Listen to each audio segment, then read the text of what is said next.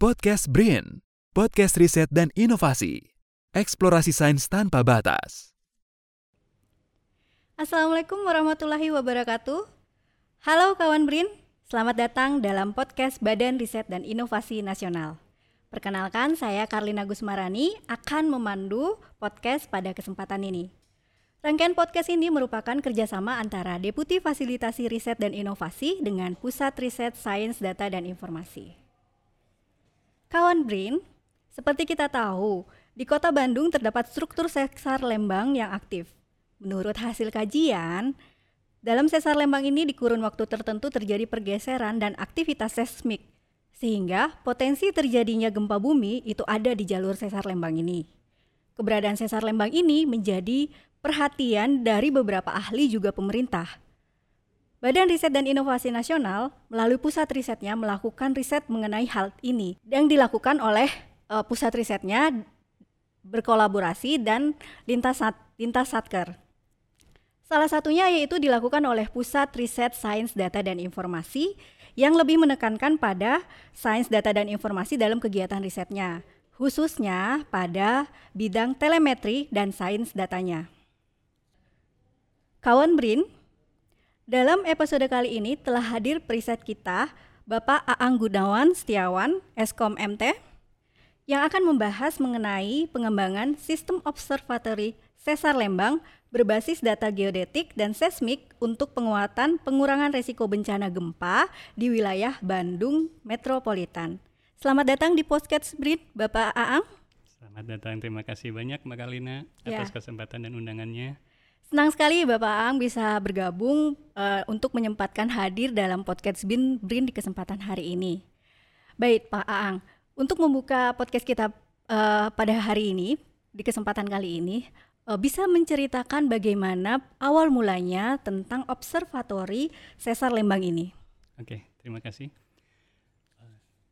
baik, inisiasi dari kegiatan ini awalnya dimulai dari tahun 2018 ya kita di 2018 itu ada namanya Pusat Penelitian Geoteknologi yang dulu itu di Lembaga Ilmu Pengetahuan Indonesia bertempatnya di Cisitu Bandung. Inisiasi ini dimulai oleh kepala puslitnya itu sendiri di 2018. Nah, di tahun berikutnya di 2019 para tim peneliti dari geotek ini mulai sounding ke instansi-instansi lain untuk mengadakan kegiatan ini. Namun di tahun berikutnya di 2020 dan 2021 ini kita kan mengalami pandemi COVID ya, sempat terhenti dua tahun ini. Lalu di 2022 ini mulailah berjalan. Lalu kegiatan ini diketuai oleh Ibu Dr. Nuraini Rahmahanifa. Mm -hmm. Beliau dari Pusat Riset Kebencanaan Geologi di bawah organisasi riset maritim kebumian dan maritim. Nah, kegiatan ini kerjasama juga dengan pusat riset. Salah satunya di Pusat Riset Sains Data dan Informasi, hmm. tempat saya di pusat riset sains data ini beradanya di bawah organisasi riset elektronika dan informatika. Nah, para periset dari PRSDI ini kurang lebih ada lima orang. Nah, kita tergabung dalam tim IT-nya, information technology-nya dalam kegiatan ini. Selain lintas PR juga, lintas pusat riset juga, kita uh, kerjasama juga dengan instansi lain. Ada dari Earth Observatory of Singapore, uh, atau kita biasa mem memanggilnya dengan tim EOS. Ada juga dari instansi akademinya dari ITB, Institut Teknologi Bandung. Uh, begitu cerita awalnya. Oh, menarik sekali ya Pak. Berarti sesuai dengan tadi yang kami sampaikan di awal bahwa kegiatan penelitian yang dilakukan di BRIN ini di, setelah selain lintas pusat riset juga kolaborasi dengan instansi lain ya, seperti itu ya Pak? Betul sekali Mbak. Nah, tujuan dari pengembangan Observatorium Sesar Lembang ini bagi sains dan masyarakat itu seperti apa ya Pak? Hmm, tujuannya kita semoga dapat bermanfaat bermanfaat yang sangat baik bagi sains kebumian dan kegempaan, lalu juga untuk pengembangan teknologi peringatan dini kegempaan itu sendiri di CSR Lembang. Lalu kita mengharapkan juga ini dapat bermanfaat bagi edukasi masyarakat untuk penguatan kesiapsiagaan gempa dari sesar Lembang itu. Lalu juga bisa menjadi model observatorium dari sains hingga ke edukasi masyarakat secara utuh dari hulu ke hilirnya. Itu yang diharapkannya, Mbak. Itu yang diharapkan ya. Betul. Kalau untuk apakah ada tujuan lainnya dari itu kan mungkin yang dituankan ke dalam uh, proposal ya. Yeah. Nah, untuk tujuan lainnya dari obs pengembangan observatorium ini. Kita dapat memantau dan mempelajari tanda-tanda dari geofisika, geologisnya, dan geodesi dari gempa bumi sesar Lembang ini. Selain itu, kita juga bisa merekam gelombang seismik, kejadian gempa bumi dari berbagai magnitude di sekitar sesar Lembang. Kita juga bisa merekam posisi hariannya sehingga dapat diobservasi pergerakan lempeng dari sesar Lembang itu untuk mengetahui potensi slip rate dari sesar Lembang. Selain itu juga kita dapat meningkatkan akurasi penilaian risiko gempa bumi untuk kota Bandung dan populasi sekitarnya. Selain itu juga ini dapat dikembangkan menjadi peringatan dini gempa dan informasi yang cepat dari gempa bumi sekitar kawasan sesar Lembang. Begitu. Sangat menarik ya. Kawan Brin mungkin uh, yang paling penting di sini adalah yang bisa kita petik adalah uh, menjadi peringatan dini ya bagi masyarakat uh, di Kota Bandung terkait dengan uh, gempa bumi seperti itu ya. Pak Ang. Dan teknologi ke depannya seperti itu. Untuk ke depannya akan seperti itu. Baik, untuk selanjutnya rangkaian kegiatan bagaimana sih Pak Ang eh, rangkaian selama kegiatan penelitian ini? Apa yang dilakukan? Oke, secara garis besar kegiatan penelitian ini ada tiga tiga rangkaian kegiatan penelitian. Hmm. Yang pertama itu instalasi seismiknya.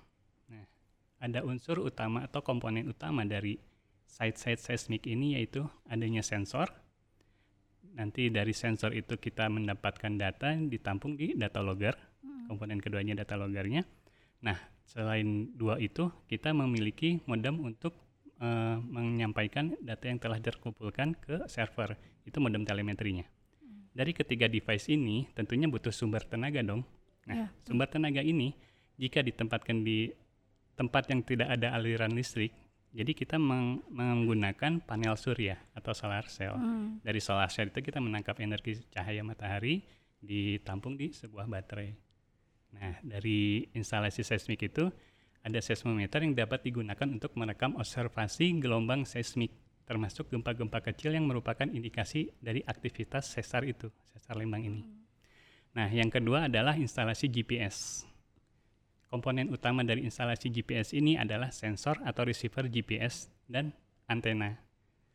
Receiver yang digunakan GPS ini adalah receiver berfrekuensi, berfrekuensi ganda yang berjalan pada sistem operasi Linux dan berkomunikasi terutama melalui jaringan lokal area atau bisa juga melalui wide area network.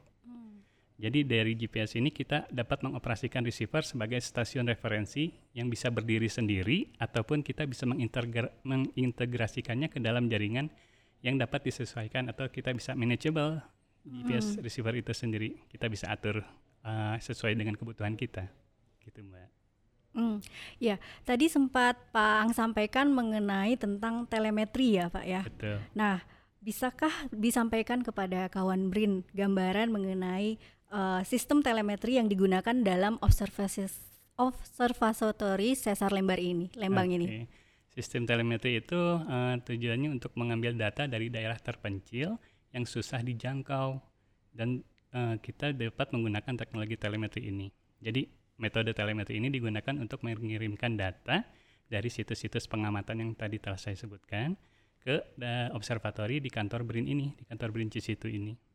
Nah, melalui protokol komunikasi berbasis GPRS, GSM, dan atau radio, data dapat diperoleh dari jarak jauh dan diolah oleh komputer yang dapat menampilkan langsung visualisasinya gitu. Nah, untuk sistem telemetri pada kegiatan penelitian ini, kita menggunakan jaringan GPRS, eh, 3G, 4G sebagai media untuk komunikasi datanya.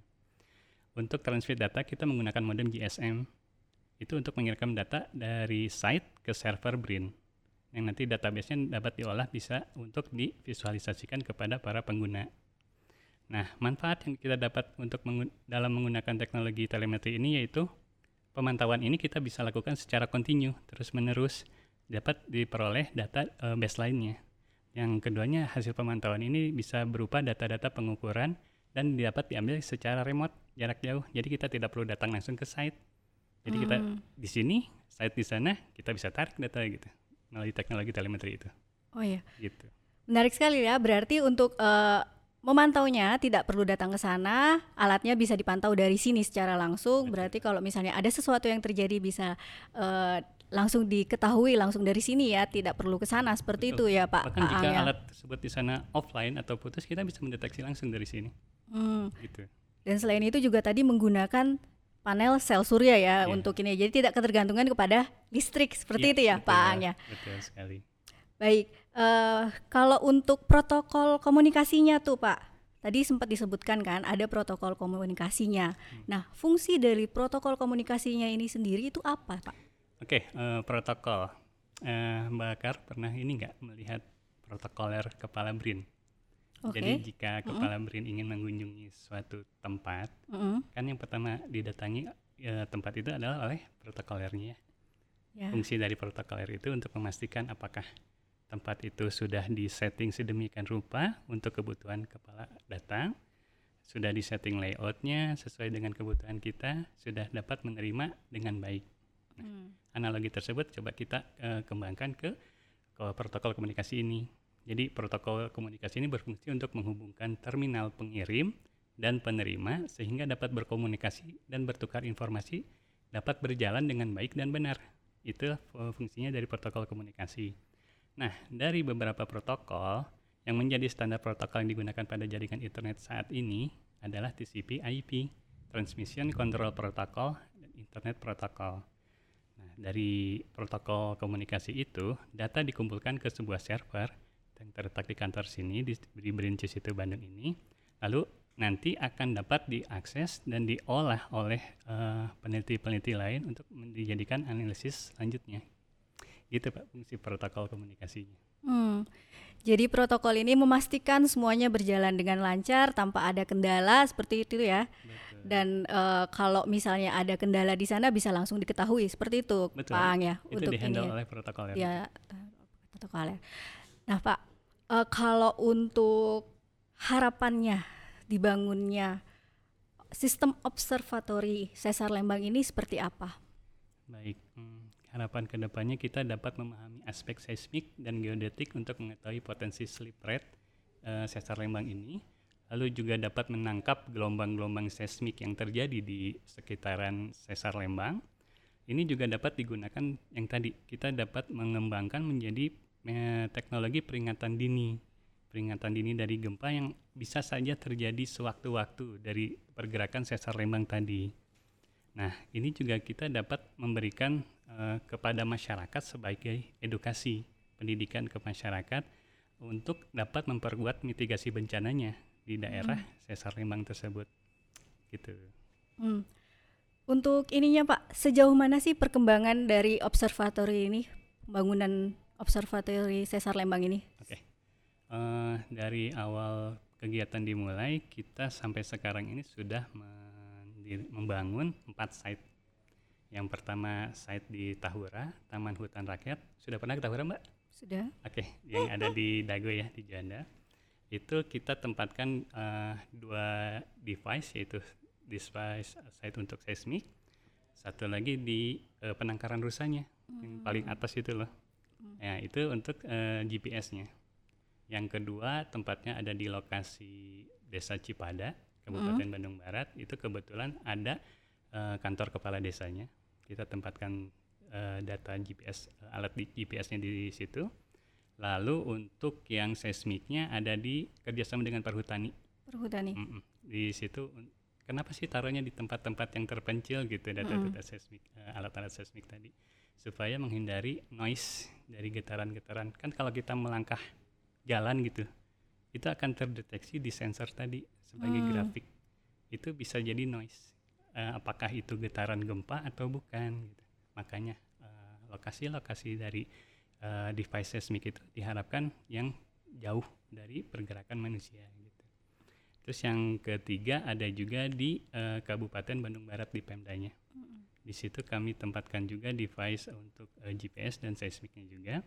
Nah yang terakhir ini ada di kantor BRIN di gedung basic yang baru di rooftop. Itu ada alat GPS. Eh, kenapa ditaruh di paling atas? Supaya ada wide areanya, range-nya lebar gitu. Mm-mm. Jadi kita dapat menangkap banyak satelit di atas yang tidak terganggu terhalang dengan eh, halangan-halangan lain yang dapat menghalangi satelit tertangkap gitu. Itu mbak eh, sudah ada empat site. Sudah ada empat. Rencana ke depannya apakah akan ditambahkan lagi? Ya, Untuk saya pembangunannya? seperti itu di tahun 2023 nanti eh, proposal sedang dalam pembuatan dan akan banyak lagi site-site yang akan dibangun di sekitaran Sesar Lembang atau mungkin juga nanti akan maju ke Sesar Baribis mungkin. Sesar Baribis. Baribis Oke, baik. Dari tadi sudah ada empat, kemudian rencananya akan selanjutnya akan ada lagi eh, untuk pembangunannya. Mudah-mudahan ya untuk daerah-daerah gempa yang ada di Indonesia bukan cuma di Bandung mungkin ya, nanti akan ada eh, pembangunan observatori ini Semoga ke saja. Ya seperti Oke, selama melakukan penelitian pengembangan kegiatan ini, ada hal yang menarik nggak? Oh, ini nih, setiap kali kita melakukan perjalanan lapangan itu pasti ada hal-hal yang ya maupun itu menarik, mau lucu atau drama-drama yang terjadi di lapangan. Salah satu contohnya gini, kalau kita bermain ke Tahura ya, mungkin untuk teman-teman yang lain juga yang pernah datang ke sana, eh, di penangkaran rusa itu kan eh, dari gua Belanda ke atas itu treknya lumayan wow itu teh. Ya, kita kalau jalan kaki kan jalannya lumayan. jalan kaki tuh aduh eh, kalau saya yang nggak kurang terbiasa jalan saya mah jadi lumayan berkeringat banyak. Sekalian olahraga ya. betul. Terus itu treknya tuh eh, bukan jalan aspal. Hmm, nah kebetulan dari gua Belanda ke atas penangkaran rusa kita difasilitasi se- motor motor trail. Motor trail yang emang dikhususkan untuk trek jalan yang bukan aspal. Nah lucunya ketika naik motor trail itu kan otomatis nih hati kita aduh selamat kagak ya nyampe atas gitu. Jadi kita bisa eh, mendekatkan diri kepada Allah. Banyak-banyak istighfar gitu. Aduh semoga selamat semoga selamat gitu lucunya di situ kebetulan saya ngebonceng teman juga. Kang kok kamu jadi syariah begini lapangan? Teh astagfirullah astagfirullah. Ya Kang hati-hati di jalan semoga kita selamat gitu. Nah itu pen- pengalaman lucu sih. Terus sampai ke atas juga sempat slip juga tuh. Ya. ini bakal nyampe enggak ya pikir saya gitu. Akhirnya ya alhamdulillah kita selamat nggak ada yang kekurangan anggota tubuh satupun.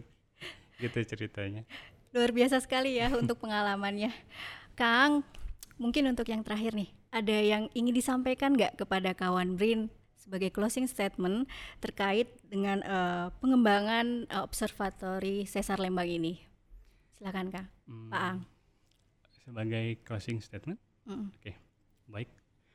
Untuk teman-teman semua atau netizen di rumah atau di mana pun Anda berada, sebagai suatu eh, scientist, kita periset, saya mencoba mengutip suatu pernyataan dari seorang ilmuwan Jerman Amerika, di mana mm, s- pernyataannya adalah riset adalah sesuatu yang saya lakukan ketika saya tidak tahu mau melakukan apa. Begitu pernyataan beliau itu dari tokoh ilmuwan Jerman Amerika, Van Broh namanya.